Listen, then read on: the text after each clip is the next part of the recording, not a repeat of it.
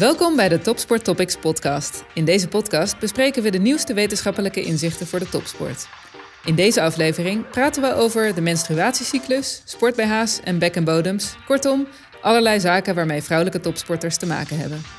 Dit doe ik, Ellen Maas, met Ina Jansen, sportscientist op Sportcentrum Papendal. Het is gewoon een onderdeel van vrouwen dat je echt moet weten wat er kan gebeuren of hoe prestaties kunnen beïnvloeden en wat je ermee kunt. Suzanne Brummel is triatlete en geeft haar kijk op dit onderwerp. Ik denk dat eigenlijk iedere coach en elke atleet zou moeten vragen...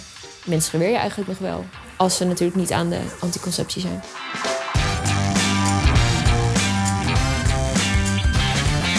Topsport Topics podcast. Ina en Suzanne, leuk dat jullie er zijn. Uh, we gaan het vandaag hebben over de vrouwelijke topsporter en alles wat daarmee te maken heeft en alle taboes die daar uh, omheen hangen. Om met jou te beginnen, Ina, jij bent uh, sportscientist op Sportcentrum Papendal. Je bent biomechanicus van achtergrond en opleiding. En daarnaast heb je een nieuwe interesse sinds een aantal jaar, want je geeft workshops over de vrouwelijke topsporter. Ja, ik weet niet of dat het helemaal nieuw is. Ik heb ook uh, jaren geleden uh, tijdens mijn promotie ook geholpen met de wetenschap achter sport BH's. Dus daar was ik ook bij betrokken. Echt dat we verschillende BH's moesten meten. En hoeveel uh, beweging dat de echte biomechanica kant. Dus dat heeft wel zeker ook de interesse begonnen jaren geleden. Maar nu, zeker de laatste drie jaar, hebben we het echt uitgebreid op Papendal voor een workshop. Waar we veel meer onderwerpen bespreekbaar proberen te maken met de sporters en ook met de staf. Nou, onderwerpen bespreekbaar maken, dat uh, doet onze tweede gast van vandaag ook. Uh, Suzanne Brummel, triatlete. Ooit begonnen als uh, zwemster en Nederlands kampioen open water zwemmen. Nu um, actief als triatleet sinds een paar jaar en hard aan de weg aan het timmeren. Suzanne, jij schreef ook het boek Zwem over zwemmen. En daarnaast heb je een heel goed lopende Instagram-account... waarin je ook af en toe onderwerpen bespreekt... zoals de menstruatiecyclus en de invloed daarvan op prestaties. Dus om maar meteen bij jou te beginnen, Suzanne. Presteer jij beter tijdens sommige fases van je cyclus? Ja, heel of minder goed? Ja, precies. Beter en minder goed. Ja, heel duidelijk. Ik denk dat Ina daar uh, misschien zeg maar uh, wat um, deskundiger op kan ingaan. Maar hoe ik het zeg maar zie, je hebt natuurlijk de, de, vrouwelijke cyclus. Die kan je heel, als je heel specifiek gaat kijken, kan je die opdelen in vier delen. Maar om mhm. het makkelijk te houden, uh, heb je natuurlijk gewoon twee delen: de folliculaire fase en de luteale fase. En bij mij is het zo dat ik eigenlijk in de uh, folliculaire fase eigenlijk op mijn best ben. Dus dan heb ik het gevoel dat ik, nou niet alleen het gevoel, maar ook mhm. dan presteer ik gewoon echt beter. Dan heb ik meer kracht, uh, kan ik langer doorgaan voor mijn gevoel, minder, ik, minder pijn. Ik ben gewoon belastbaarder, minder gauw last van spierpijn of dat, ik, um, dat mijn hartslag heel hoog is. En hoe dichter ik dan zeg maar bij mijn menstruatie kom, hoe slechter het wordt. En een paar dagen voordat ik ongesteld moet worden, ja, dan ben ik echt op mijn slechtst. En dan, als ik dan ook een race heb, dan eigenlijk kan ik beter gewoon afmelden. Want uh, ik heb super veel last van PMS. En dan ja, komt er gewoon geen deuk uit een pakje boter. Mijn rustpols is meestal dan ook echt vijf tot tien slagen hoger dan normaal. En ja, ik, ik weet gewoon van mezelf, dan, uh, heeft het geen zin om intervaltrainingen te doen of echt hard te racen. Nee, dus dan doe je een paar dagen eh, wat rustiger aan als het schema dat toelaat. Als het schema dat toelaat. En soms is het wel zo dat dan toevallig wel een race staat gepland die heel belangrijk is. En je hebt bijvoorbeeld al uh, vluchten geboekt naar het buitenland of hotels. Ja, dan ga ik niet afmelden. Maar dat is wel heel zuur. Ja. Ja, en dan probeer ik ook mentaal te denken van uh, het is niet zo. En dan achteraf, ja, is altijd eigenlijk wel slecht. ja, ik zag je net even knikken, Ina. Klinkt dit herkenbaar? Beter presteren tijdens sommige fases en slechter tijdens andere? Um, ja, maar niet altijd. Ik denk hoe dat ze dan beschrijft wat de meeste mensen ervaren. Maar wel mooi omdat vaak de menstruatiecyclus heel negatief wordt uh, benoemd. En gekeken, uh, dat ik ben ongesteld, dus ik kan niet presteren. Dat is wel wat veel sporters beleven of voelen. Maar er zijn zeker ook een aantal die echt juist goed kunnen presteren. En echt het bijna kunnen benutten. Ja. Dat proberen we ook even maar het is heel dubbel, want wat ik zelf bijvoorbeeld ervaar... je hebt tijdens het menstrueren heb je wel last van dingen. Dus hè, je hebt wat rugpijn en buikpijn en hoofdpijn. Maar uh, dat beïnvloedt mijn prestaties niet negatief. Dus ik denk dat dat ook bij veel mensen het geval is. Dat ze denken, oh, ik ben ongesteld. En oh, je, voelt je, ja, je voelt je toch plakkerig en een beetje... en je zit gewoon iets minder lekker in je vel. Maar als we puur kijken naar de prestaties... presteer ik dan wel gewoon uh, ja, beter. En de sporters die beter presteren, zeggen dat ze soms voelen dat hun pijngrens hoger is. Dus ze kunnen iets meer aan. Ze kunnen zichzelf iets meer uitdagen. Uh, wetenschappelijk of biologisch weten we dat de fase is dat de hormonen het laagste zijn. Dus daar heb je minder, het minste effect van hormonen in heel de cyclus op, uh, op je lichaam. Dus inderdaad zou het wel voor veel kunnen. Maar sommigen hebben dat die symptomen die gewoon te heftig zijn, dat, dat het hun prestaties wel beïnvloedt. Maar zeker niet iedereen. En dat vind ik dan wel heel mooi dat je al zo begint dat nee, ik ja, presteer juist heel goed als ik uh, ongesteld ben. Ja, maar misschien kunnen we wel eventjes uh, op die hormoonhuishouding ingaan. Even, Ina, ik weet niet of je ons een klein biologielesje kunt geven. Hoe werkt dat ook weer precies met zo'n cyclus? De, als we de 28 dagen pakken, met de natuurlijke cyclus, dat uh, is gebruikt als een beetje gemiddelde. Want het kan 21 dagen zijn, het kan 35 dagen zijn. Uh, soms heb je een lange, soms heb je een kortere. En, maar in de eerste ongeveer zeven dagen, echt als je ongesteld bent, dan zitten die hormonen heel laag. Dus ja, want dag, dag één rekenen we dan de eerste dag van de menstruatie. Ja, ja. precies. Dat je echt uh, bloedverlies dan hebt. Dan, zodra dat je stopt, dan loopt de estrogeen op. Dus de progesteron blijft nog even laag, maar die estrogen loopt op richting de ovulatie. Dus mensen die proberen zwanger te worden weten precies wanneer ze ovuleren, want dat probeer je goed in kaart te brengen. Maar met het oploop van die estrogen uh, heb je ook een oploop in serotonin. Dus het echte hormoon dat je een goed gevoel heeft. Dus daar, voor sommigen is het echt het moment om echt hunzelf uit te dagen. Je hebt een, uh, je dat echt benutten. Dan, maar wat er negatieve effecten kunnen zijn, is dat de laxiteit in je gewrichten je hoort ook in de media over blessures, voor kruisbandblessures in voetbal bijvoorbeeld. Ja. Daar relateren ze best vaak aan deze fase. Ja. Uh, dat is een beetje kort door de bocht, maar we zien wel dat veel kruisbandblessures wel in deze fase gebeuren. Ja. En dan heb je ja, je ovulatie, dus dat je wel of niet zwanger wordt. En dan zakken de hormonen uh, allebei, behalve progesteron komt nu hoger. En progesteron, daar was het tweede deel van jouw uh, vraag, uh, verhaal, Suzanne. betekent ook dat je hartslag omhoog gaat. Ja. Dus dat is ook gewoon iets dat gebeurt. Ja. En veel sporters op Papendal moeten hun ochtendhartslag elke dag meten en opschrijven. Ik zei, ja, maar hou je ook rekening met het feit waar je zit in je cyclus. Ja. Want als je al vijf slagen hoger zit, omdat je in die fase zit... dat heeft gewoon een invloed op je resultaat. En dat coach moet dat beseffen. Oh, dit kan een reden zijn dat uh, hun hartslag hoger is. Uh, en in die laatste fase, richting de, ja, de PMS, dus de premenstrual mm. hebben echt heel veel mensen last van, ongeveer 75 procent. Daar zak, gaan beide hormonen heel snel naar beneden. Je bloedsuiker is heel instabiel. Daar heb je ook die, wat we noemen die cravings, die, uh, dat je die toetjes wilt. En dat is, ik zeg dat is prima, maar besef gewoon, dit is waarom dat gebeurt. Omdat die hormonen zitten echt in te zakken uh, voor je voor te bereiden voor weer het uh, bloed. Ja, en je, je verbruikt ook oprecht meer in die periode. Zeg maar, je lichaam is harder aan het werk, je hartslag is hoger. Dat is ook niet voor niks. Je lichaam is harder aan het werk. Dus die cravings zijn daar ook, omdat je gewoon oprecht 200, 300 calorieën per dag extra nodig hebt. En in die tweede fase heb je ook een verhoogde uh, lichaamstemperatuur. Ook, ja. Dus dat weten we ook. De sporters in uh, warme klimaten, dus richting de Olympische Spelen, was dit een groot aandachtspunt ook voor Tokio. Dan heb je, als je in een warme klimaat bent, dan kun je je lichaam minder snel afkoelen. Ja. Dus een beetje een half graden uh, warmer dat het is. Dus als je in een warme klimaat bent, als triatleet zal dat ook wel voorkomen, dan moet gewoon extra bewust zijn van hydratie echt extra belangrijk is als je in deze fase aan het presteren bent dan in een andere fase. Ja. Dus uh, nou ja, ik hoor, er gebeurt van alles tijdens die cyclus. Is het zo dat iedereen eigenlijk het gevoel heeft dat de cyclus invloed heeft op de prestaties of op de belastbaarheid? Het is heel individueel, maar uh, een kort antwoord is nee. Niet iedereen is daarvan bewust. We hebben ook een vragenlijst uitgezet door de sporters in Papenaal. En daar zijn we nu nog mee bezig, maar we hebben al meer dan 100 reacties. En ongeveer de helft hebben helemaal geen effect voor hun gevoel dat de menstruatie op hun cyclus heeft.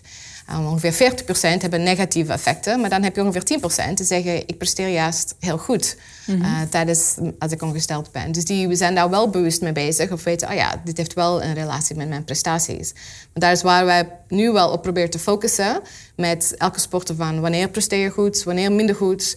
Dat we een beetje patroon kunnen zien, zodat we dan echt die kunnen inhaken van oké, in deze fase, je hebt een wedstrijd. Dus laten we ons zien wat we kunnen proberen. Proactief of met voeding. Dat, zodat die symptomen minimaliseren, want die wedstrijd gaat door. En we willen dat je er staat, zonder dat het een belemmering effect is van, oh ja, maar ik ben ongesteld, dus ik ga niet goed presteren. Ja. dat willen we proberen zoveel mogelijk te minimaliseren. Maar bewustwording, wat je daarin zegt, is wel heel belangrijk. Want uh, hoe het bij mij, zeg maar als jonge meid ging toen ik nog heel veel zwom, toen ja, er was gewoon weinig eh, informatie over. Je had natuurlijk nog geen social media. Er werd niks, ik wist daar niks van. Ja, maar we weten nu ook nog steeds niet. nu, nu weten we ook nog steeds heel weinig. Maar nu ben ik me wel bewust van hey, in die periode presteer ik gewoon slechter. Moet ik meer op mijn voeding letten? Moet ik, hè, moet ik daar gewoon rekening mee houden? En toen wist ik dat helemaal niet. En dan had je wel eens een ontzettend slechte race. En dan nam je jezelf dat heel erg kwalijk. En dan zat je er drie dagen mee in je buik van... Hé, maar hoe kan dat nou? En de trainingen gingen goed. En al je statistieken waren goed op voorhand, zeg maar. En dan lukte het toch niet op die dag. En dan begreep je dat gewoon niet. En nu, als dat zoiets gebeurt, kijk je... Oh, oh. Maar, en dan heb je veel makkelijker ook dat je dat kan accepteren, zeg maar. Maar hoe ben je daar gekomen? Wie heeft jou daarin begeleid of uitgelegd? Want dit is wat we willen natuurlijk, dat sporters kunnen... Precies, en daarom geef jij ook die, die, die workshops natuurlijk. Uh, ik heb, uh, denk ik, daar een keer online of zo iets voorbij van zien komen. En toen dacht ik, oh, maar dit is interessant. En ik ben wat dat betreft best wel een nerd. Ik duik dan gelijk erin, zeg maar. Ik weet nog heel goed, het was in de winter. En ik heb toen, ik ben op 11 januari jarig. En toen heb ik voor mijn verjaardag heb ik en zei wat wil je voor je verjaardag? Zei ik, ik wil die en die boeken. Allemaal van die wetenschappelijke boeken over de cyclus in het Engels. Ik was toen nog best wel jong. Toen zeiden mijn vriendinnen van... Nou, dat is niet leuk, Suus. We willen gewoon... Kan je alsjeblieft een ander cadeau verzinnen? Ik zei, nee, ik wil echt dit hebben. En toen ben ik daar echt heel erg ingedoken. En ben ik dat gaan lezen. En er ging echt een wereld voor me open. En toen dacht ik ook, wow, dit, dit is zo... Hier, ja, hier heerst nog zo'n taboe over, maar ook zoveel onwetendheid, zeg maar toen ben ik zelf gaan trekken. Je hebt er tegenwoordig heb je er allemaal apps van, maar toen hield ik dat nog in een schriftje, hield ik dat zeg maar bij. Ja, daar maar uh, ja, zo is het wel ontstaan. En, en dat is denk ik wat heel Als je er niks mee doet en je houdt het niet bij, dan blijft het zeg maar zo, denk ik. Dan je moet er wel echt, je moet echt gaan tracken en je moet er echt um, informatie tot je nemen om, om er echt wat mee te kunnen doen, zeg maar. Ja. Wel, want ons probleem, wel, probleem is dat het geen onder... Sporters weten hier heel weinig over. Ze krijgen het niet mee vanuit school. Ze, de coaches krijgen dit niet mee in een coachopleiding in Nederland. En sterker nog, zover we weten, bij bewegingswetenschappen in Nederland wordt nee, dit ook niet. Je kan ze, die coaches dat ook niet heel veel zeggen. Ja, maar je kan ze dat niet kwalijk nemen, want ze hebben dat ook niet geleerd. Nee.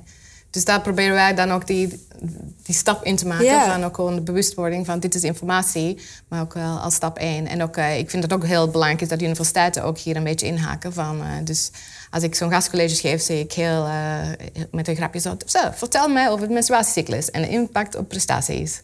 Kijken ze allemaal gek van, oh, gaan jullie geen vrouwen trainen? Is het gewoon een mannenklas? en dan denk ik, nee, van, ja, het is gewoon een onderdeel van vrouwen dat je echt van moet weten wat er kan gebeuren of hoe het prestaties kunnen beïnvloeden en wat je ermee kunt. Ja. Ja, en als je het breder trekt, het is ook altijd goed, denk ik, om mannen daarover op te leiden. Omdat elke man natuurlijk, of collega's, of familie, of een partner, of een dochter. Iedereen heeft wel iemand in zijn omgeving. En het heeft natuurlijk invloed op je prestaties, maar ook op de werkvloer. Dus uiteindelijk uh, zul je als manager of als directeur van een groot bedrijf daar ook rekening mee nou, moeten houden. Maar in ieder geval dat je als je dat begrijpt van de vrouw. Dat is natuurlijk wel belangrijk. Niet alleen in de sport, denk ik.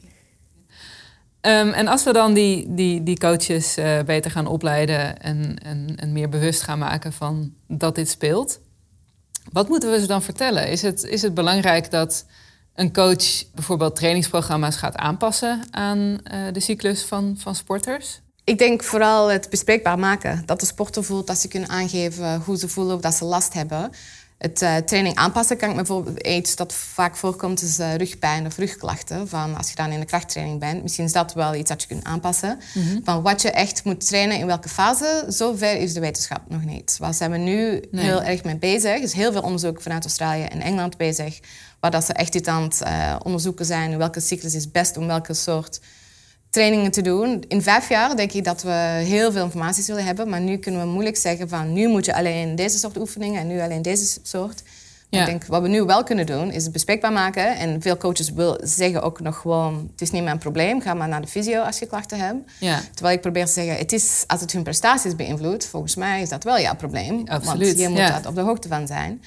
Maar ook uh, dat ze wel kunnen denken, oké, wat zijn wel alternatieve vormen van training dat we nu kunnen toepassen, zodat het wel uh, nog een effectieve training is. Ja, maar dus eh, wat je wel eens hoort van uh, in die eerste helft van je cyclus vooral krachttraining doen, want dan krijg je meer adaptaties. Dat, dat is nog niet zo duidelijk als het wel eens lijkt. Of wel? Nee, er zijn wel wat studies. Uh, een van de hormonen die ik niet heb benoemd is natuurlijk de testosteron. En vrouwen hebben een natuurlijke piek in testosteron juist voor de ovulatie. Dus in samenspraak met die estrogen. Dus daar zijn die studies van, als je dan meer krachttraining doet, juist voor je ovulatie, heb je kans voor betere uh, ontwikkeling daarin. Ja. maar er zijn ook andere studies die aangeven dat er geen effect is. Ja, dat nog, nog niet zijn er studies dat, ja. dat je negatief effect hebt. Het is ofwel wel of niet. Dus dat is een van die... Ja, is het nu wel of niet nuttig? Of dat kunnen ze wetenschappelijk toch niet 100% onderbouwen. Maar ik denk dat is nu voor alles... Dat laat aantal studies laten zien een positief effect... en een aantal studies laten zien ja, geen effect. Nee. Maar het is ook zo individueel. Ja, want Suzanne, pas jij je trainingsprogramma eigenlijk aan op je, op je cyclus?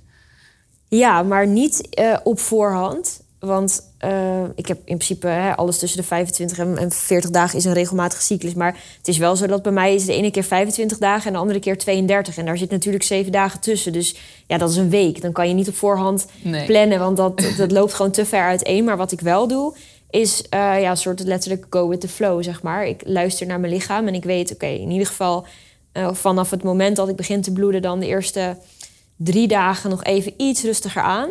En daarna maak ik het wat zwaarder. Tot aan ik in de luteale fase ga voelen echt. En mijn hartslag dus omhoog gaat. En ik echt ga voelen van... Ik, heb, ik herstel minder goed. Het wordt gewoon zwaarder. Het, alles gaat minder makkelijk. Dan doe ik uh, gas terugnemen. Ja. En besluit je dat allemaal zelf? Of uh, heb jij iemand waarmee je dat uh, in samenspraak doet? Nou, ik ben wel altijd heel open met mijn coaches en die weten het ook. En um, wat wij hebben afgesproken is dat ik dan gewoon in Trainingspeaks, zeg maar, dat is de app die wij gebruiken, dan geef ik aan van, oké, okay, uh, mijn ongesteldheid zit er nu aan te komen, ik voel dit en dit en ik vul altijd mijn rustpols in en dan uh, passen zij het zeg maar aan. Ja, dus dan hoor ik dat je best een open communicatie met je coach of met je begeleidingsteam hierover hebt. Ja, 100%. Is dat altijd zo geweest? Ja, ja omdat ik, uh, wat ik zei, ik ben van best wel jongs af ben ik daar zelf al heel erg ingedoken. Dus eigenlijk ook altijd bij het zoeken van een coach of gesprekken uh, zeg ik altijd, nou ja, dit, dit, is wie ik ben. Ik ben wat dat betreft heel open. Ja. Uh, maar dit vind ik ook belangrijk. En als je daar niet in meegaat of als je daar geen verstand van hebt of daar niet uh, naar wilt kijken, zeg maar, ja, dan zijn we geen match. Nee. Dus ik zoek dat ook wel bewust uit. ja, dus coaches die zeggen van nee, dan moet je maar met de fysio gaan praten. Ja, of ze gewoon uh, misschien wel willen, maar er gewoon niet zoveel van weten of het gewoon niet, niet interessant vinden, dan uh, ja, is ook prima, maar niet voor mij. Ja, Want ik vind het wel belangrijk. ja, nee, duidelijk. Ina, veel sporters hebben eigenlijk geen normale cyclus, mm. om het zo maar eens te noemen. Dus niet die hormoonschommelingen, oftewel door uh, het gebruik van hormonale anticonceptie of doordat ze misschien een energietekort hebben. Ja. Is dat een probleem? Uh, ja en nee. Ik denk de anticonceptie zien we ongeveer 60% van de sporters op een anticonceptie zijn. Dus nog een heel groot deel uh, niet. En inderdaad, wat het doet is vooral die hormonen inzakken of dempen. Ja, dus dan heb je... een, constant laag niveau eigenlijk. Ja, precies. Dan heb je ook niet uh, het voordeel van die testosteron bijvoorbeeld, want die wordt ook uh, ingedampt. Uh, veel slikken gewoon door en door en door, omdat ze het vervelend vinden en oh, ik wil daar niet mee rekening houden. Wat op de lange termijn ook doet, dat is nog niet bekend. En daar beginnen nu een aantal sporters over na te denken. Ja, ik zit al twintig jaar op dezelfde pil en heel veel aan het doorslikken. Wat doet dat eigenlijk met mijn lijf? Ja. Sommigen beginnen daar nu even over na te denken. De, dan de, natuurlijk, de sporters met een natuurlijke cyclus die niet ongesteld worden, maar wel al een keer ongesteld zijn geweest, dan is het vaak dat we denken mogelijk is red S een, een probleem. Dus echt de relative energy deficiency. Ja. Dus dat betekent gewoon dat ze veel meer energie gebruiken dan dat ze innemen. En dan is de, stopt je cyclus vaak. En dit zie je dan ook in een aantal echt uh, duursporters, uh, maar ook in uh, andere sporten zie je het ook wel. En we weten dat dat, eh, niet, dat geeft aan dat je lichaam niet genoeg energie binnenkrijgt, dus niet genoeg voedsel. Maar geeft ook aan dat voor je botten en botgezondheid is dat wel een probleem. Dus botbreuk is gebeuren nu vaker, stressfacturen komen nu vaker voor. Dus dat is wel iets dat coaches iets meer op de hoogte van zijn van, oh wacht, als ze dat niet hebben, hebben de kans op een stressfactuur begint echt wel ja. Uh, meer naar voren te komen. Dus geen cyclus hebben terwijl je geen hormonale anticonceptie gebruikt, dat is echt wel een slecht teken. Ja, dan zou ik wel adviseren voor mijn gynaecoloog of mijn arts gaan praten van uh, wat is er aan de hand. Ja. En, uh, is er iets dat moet aangepast worden? Want het geeft gewoon aan dat je lichaam niet in balans is. Ja, want ik weet niet uh, of jij die verhalen kent, Suzanne, maar er zijn eigenlijk best veel sporters die ook wel denken dat dat normaal is. Dat je geen cyclus hebt als je, als je fit bent. Ja, ik vind dat heel, heel vreemd eigenlijk. Want het is letterlijk ja, de natuur waar mensen zijn ja, maar veel bot te zeggen, gemaakt om voor te planten. Dus het is echt gewoon de basis van je lichaam. Dus als het daar niet goed gaat, dan, ja, dan mag je jezelf denk ik wel achter de oren krabben van hé, hey, waar gaat het? En het kan natuurlijk een medische reden zijn. En dus daarom altijd goed inderdaad om naar een gynaecoloog of naar, in eerste instantie naar huisarts te gaan. Maar als het inderdaad red S is, dus veroorzaakt door eh, inderdaad eigenlijk gewoon simpel gezegd te weinig voeding tot je nemen in verhouding tot wat je verbruikt. Ja, dan, dan waar ben je dan mee bezig? Want je wilt beter presteren, maar het is eigenlijk heel slecht voor je prestaties. kan sowieso niet goed zijn voor je prestaties. Maar dus, het was natuurlijk, zeker in, in hardlopen, was heel lang de tendens van je moet heel dun zijn. Je moet echt een uh, slanke loper zijn, want minder gewicht ga je sneller door. Ja, maar er is natuurlijk wel een grens, zeg maar, tot waar dat gaat. Ja. Dus uh, ja, dat is wel belangrijk. Ook als coach, dat je daar... Ik denk dat eigenlijk iedere coach en elke atleet zou moeten vragen... mensen geweer je eigenlijk nog wel? En uh, als ze natuurlijk niet aan de anticonceptie zijn. Ja. Of in de jaarlijkse medische keuring daar, zijn ook, daar proberen wij nu ook proactief aan te geven van... ga het gesprek aan in je medische keuring over je menstruatiegezondheid.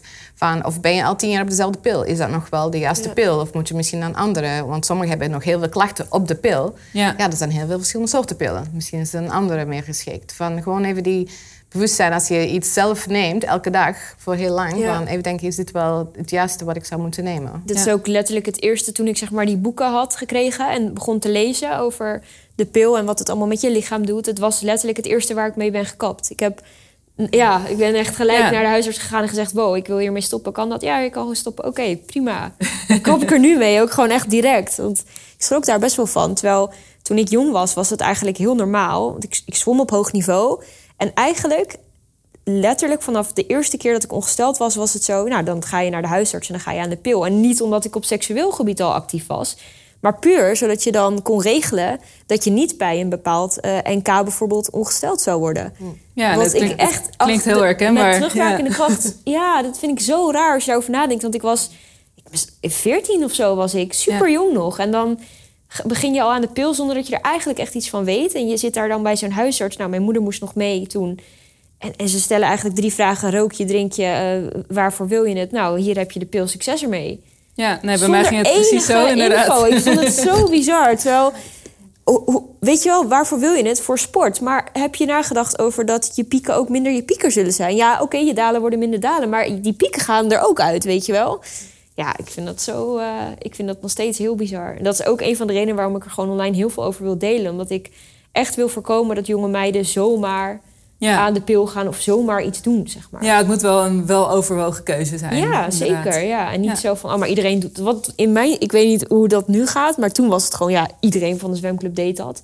En in, in, uh, op school ook. Dus ja, dan deed jij dat ook. Was gewoon normaal.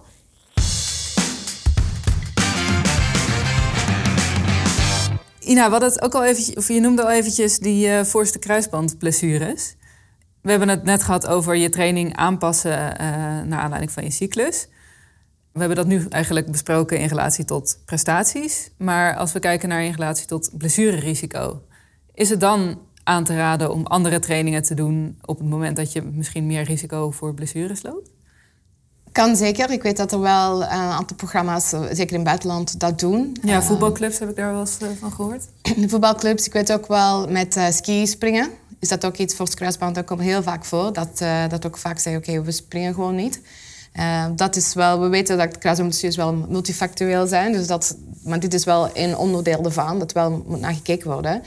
Ik weet, een van de voetbalclubs in Engeland was heel erg bezig met hun, hun sporters in kaart brengen. Op hetzelfde manier, wie op welke fase heeft meer uh, laxiteit in hun knie en wat is hun krachten van hun quadriceps en hamstrings per in de cyclus. Dus dat is echt een beetje hun blessurepreventieprogramma daarop konden tailoren. Want zoals met alles, we kunnen niet verwachten dat elke vrouw veel meer laxiteit heeft. Dus als je weet van deze heb je iets meer dan die, mm je hebt dan iets misschien proprioceptie training nodig in die fase voordat ze gaan trainen. Het is niet dat we zeggen, ja, ga een week niet uh, trainen. Die zo extreem bijvoorbeeld ook niet, want dat is ook niet uh, gunstig voor kruisbandblessures, want je wilt wel die, die spiergroepen goed kunnen trainen. Maar het is meer dat je inhaakt op de proprioceptie en wie heeft er iets meer aandacht voor nodig om dat te proberen te vermijden. Ja, want betekent meer laxiteit ook automatisch een hoger blessurerisico? Dat is waar het interessant wordt. We weten laxiteit. Eh, als biomechanicus wil ik weten, wat gebeurt er dan in het gewricht? Dan uh, zijn er meer momenten of hoe gebeurt Ja, dat weten we nog niet. En dat is ook heel moeilijk te onderzoeken, want dan heb je gewoon sporters nodig in de natuurlijke cyclus, meerdere keren die bewegingen doen, waar je echt 3D-analyse van kunt maken. En dat is nog heel, uh, die studies zijn er nog niet echt, zoveel ik weet. Nee. Maar dat is wel iets dat ik wel uh, heel interessant vind om te zien. Er moet iets biomechanisch gebeuren om die risico hoger te krijgen. Niet alleen dat je meer laxiteit hebt in je knie. Ja. En kan dat ook nog, misschien een hele rare vraag, maar kan dat ook nog per cyclus verschillen? Omdat de ene keer misschien een eitje van je linker eistok en de andere keer van rechts komt? Ja. Ja, dat maakt het heel moeilijk. Je weet, uh, in Engeland doen ze zelf uh, dat ze met Expixel, echt dus elke dag uh, echte hormonenprofiel, dat is echt een hormonenprofiel, niet gewoon oh, we vermoeden dat je zo bent. En daar zagen ze ook in zes maanden kun je zes verschillende profielen hebben. Maar is dat iets wat je bijvoorbeeld aan atleten zou aanraden? Van als je zeker wilt weten wanneer je overleert, uh, om bijvoorbeeld, stel je sport op hoog niveau, is het dan een idee om bijvoorbeeld naar de, hoe dat, de drogist te gaan en zijn ovulatietest te kopen? Ja, misschien wel. Ja, ik denk ook uh, vaak wat we wel zien met... Uh, we hebben zo'n aura-ringen die ook veel sporters dragen, die voor herstel. En dat heeft ook je lichaamstemperatuur. En we zagen wel bij een aantal mensen die konden zien wanneer ze ongesteld gingen worden en wanneer ze ovulatie ging. Omdat ze gewoon zagen, oh, mijn lichaamstemperatuur gaat nu omhoog. Dus dat is mogelijk ook een manier bij sommige sporters dat dat duidelijk genoeg aangeeft van... Ja, ja je gaat waarschijnlijk nu overleden, want we zien een piek in je lichaamstemperatuur. Ina, je vertelde aan het begin al eventjes dat je onderzoek hebt gedaan naar sport-BH's. Ja. Wat kan je daar voor tips voor geven? Hoe belangrijk is dat eigenlijk, een goede sport-BH? Ja, het is ontzettend belangrijk. Niet alleen voor uh, de lange termijn, uh, die hangende borsten, dat uh, mensen niet willen. Maar ook, we weten gewoon dat je prestaties kan beïnvloeden. Ja. Dus wij kijken vaak naar, je kunt heel, heel goedkope 5 euro BH's vinden. Of je kunt die van 60, 70 euro vinden. Ja, wat is het verschil daarin? We proberen even aan te geven van waarom zou je een BH moeten dragen. Dat het echt voor de, de, de bindwevels of de bounce noemen we dat, te verminderen. Maar, maar als we echt kijken naar sport, we weten het kan je paslengte verminderen. Um, zeker als je grotere borsten hebt, dan de coördinatie kan anders zijn als je geen goede BH hebt. Ook met, ten opzichte van je, van je romp en van je bekken. Zodat de, de spieren in je, um, in je borsten of je, je borstbeen en je bovenlichaam meer moeten werken om die borstbounce tegen te houden. Dus mm eigenlijk kost het veel meer energie en het is veel ineffectief als je geen goede zittende BH draagt tijdens sporten.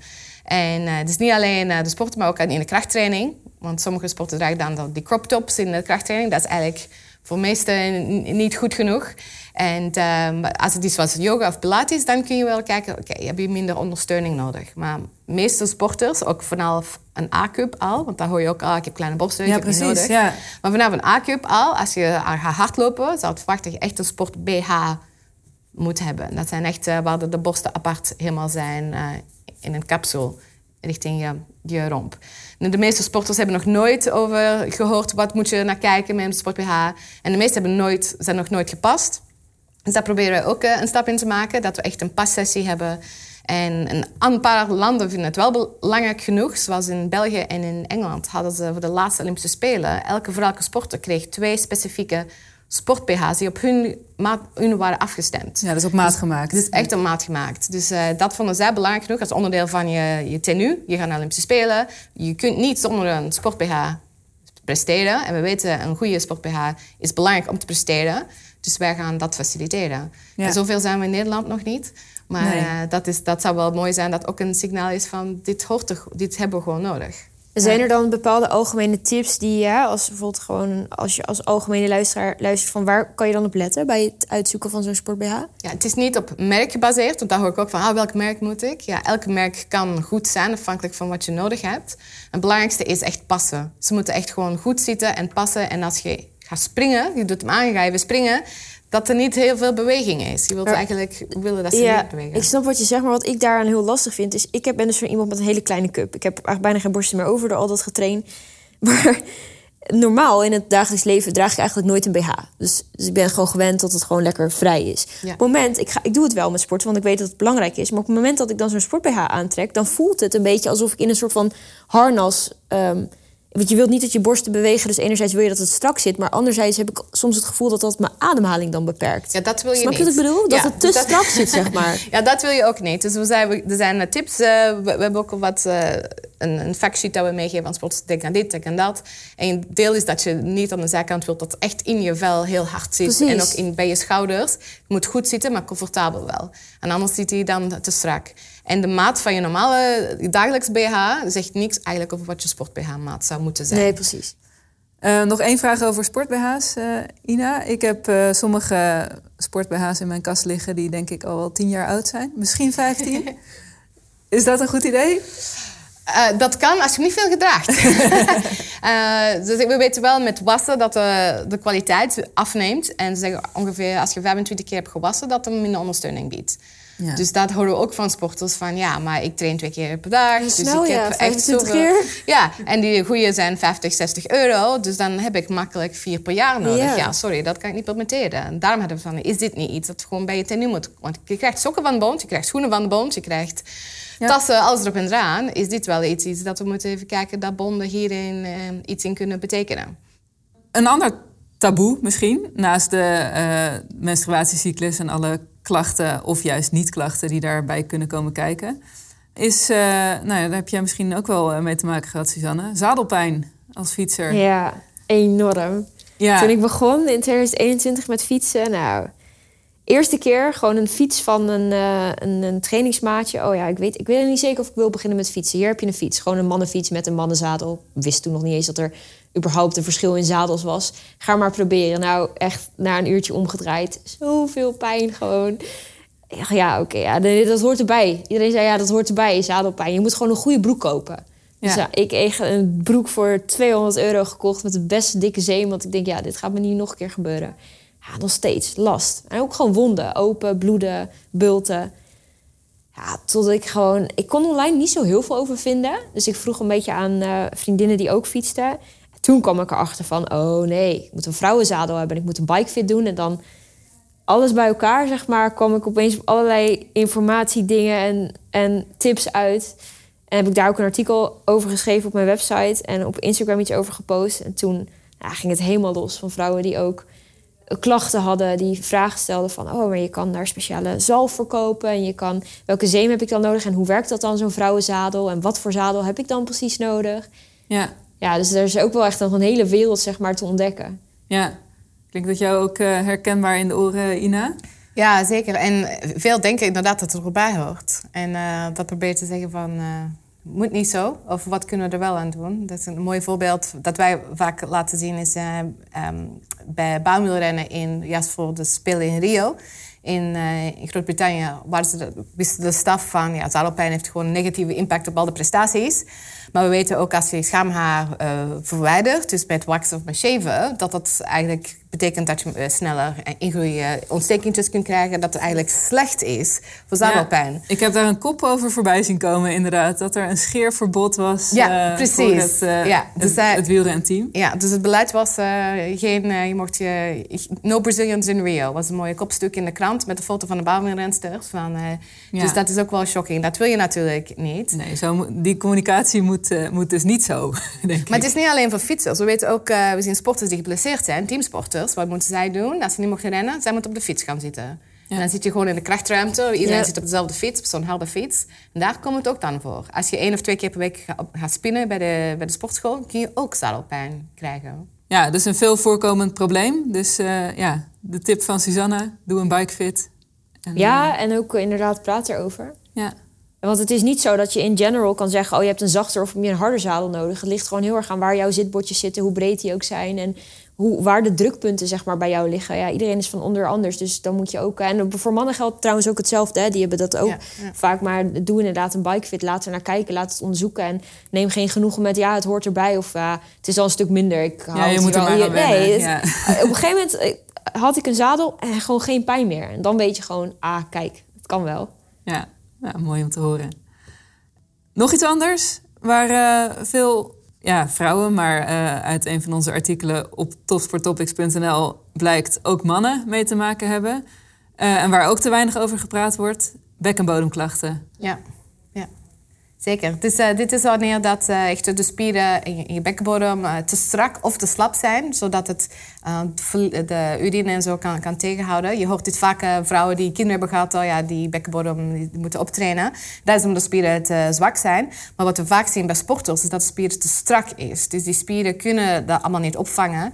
En ze verwachten dat ongeveer 100% van trampolinespringers, maar dan heel veel rugbyspelers of echt powerlifters, die hebben allemaal veel te strakke bekkenbodemspieren Wat er dan gebeurt, is dat je dan ehm, je gaat springen in de krachtruimte of in een volleybalwedstrijd. En dan komt de urineverlies. Dus je kunt heel makkelijk op Google wat foto's zien van sporters die echt urineverlies hebben tijdens prestaties. We hebben op Papenal ook uh, gevonden dat ongeveer 28% van de vrouwelijke sporters al eens een keer urineverlies, ongewenst hebben gehad tijdens training. Ja. En dan vragen ja, wat impact is dat dan op jouw prestaties? Ja, ze voelen onhandig, ze schamen zich, ze hopen dat niemand het doorheeft. Al die, uh, al die factoren. En deze is eigenlijk heel makkelijk een van de makkelijkste om uh, te verbeteren. Dus met een bekkenbodemfysio. Want als dit gebeurt, moet je met een bekken met een fysio aan de praat gaan. Dat betekent dat je gewoon moet leren die spieren los te maken, zodat je wel dat kunnen opvingen. Dus het is wel iets heel, het hoort er niet bij. Betekent uh, dat er wel iets uh, moet gebeuren en dat kan met oefeningen van de fysio. Voor jullie allebei denk ik nog de vraag, um, Ina, je had het al over, over vijf à tien jaar gaan we veel meer weten. Wat wil jij graag dat over, uh, over vijf jaar echt veranderd is in de, in de sportwereld ten aanzien van vrouwelijke topsporters? Ik denk vooral dat het bespreekbaar is. En ik denk dat dat wel haalbaar is. Dat we gewoon kunnen praten over hey, dit speelt. Of uh, aan de coach kunt zeggen. Of dat coaches comfortabel voelen om te vragen. Dat elke coach is daar ook niet comfortabel uh, mee. Dat snap ik ook wel. Maar als we daarin een stapje kunnen maken. Dat we meer inzicht hebben in wat soort training past wanneer. En dat, het, dat sporters meer op de hoogte zijn van, ja, dit hoort er gewoon bij. En het is niet iets negatiefs, ik bedoel dat als negatief van, oh, arme, arme meisjes weer die dit uh, moeten meemaken. Dat het gewoon onderdeel van is. En dat we wel gewoon zien, we zijn gewoon anders. En alles, ook de trainingsleer, is allemaal gebaseerd op mannen. Ja. Dat we iets meer aandacht hebben van, dit is hoe vrouwen reageren, dit is wat vrouwen nodig hebben. Dat het gewoon uh, standaard is. Ja. Suzanne, heb jij daar nog iets aan toe te voegen? Nee, eigenlijk precies dit. Gewoon openheid en bewustwording. Ik denk dat dat het belangrijkste is. Ja. En fatsoenlijke sportbehaas voor elke sporter. ja. Dat zou nog een mooie zijn. Goed, uh, ik uh, wil jullie heel hartelijk danken voor jullie uh, ja, open en, en eerlijke verhaal. Dank voor de uitnodiging. Graag gedaan. Leuk dat je hebt geluisterd naar de Topsport Topics podcast. Wil je meer weten over wetenschap voor de topsport? Kijk dan op topsporttopics.nl en volg ons via de bekende social media kanalen. Vond je deze podcast interessant? Abonneer je dan, dan weet je meteen wanneer er een nieuwe aflevering online komt. We vinden het ook leuk als je een review achterlaat of de podcast deelt met andere sportliefhebbers. Topsport Topics, de schakel tussen wetenschap en sportpraktijk.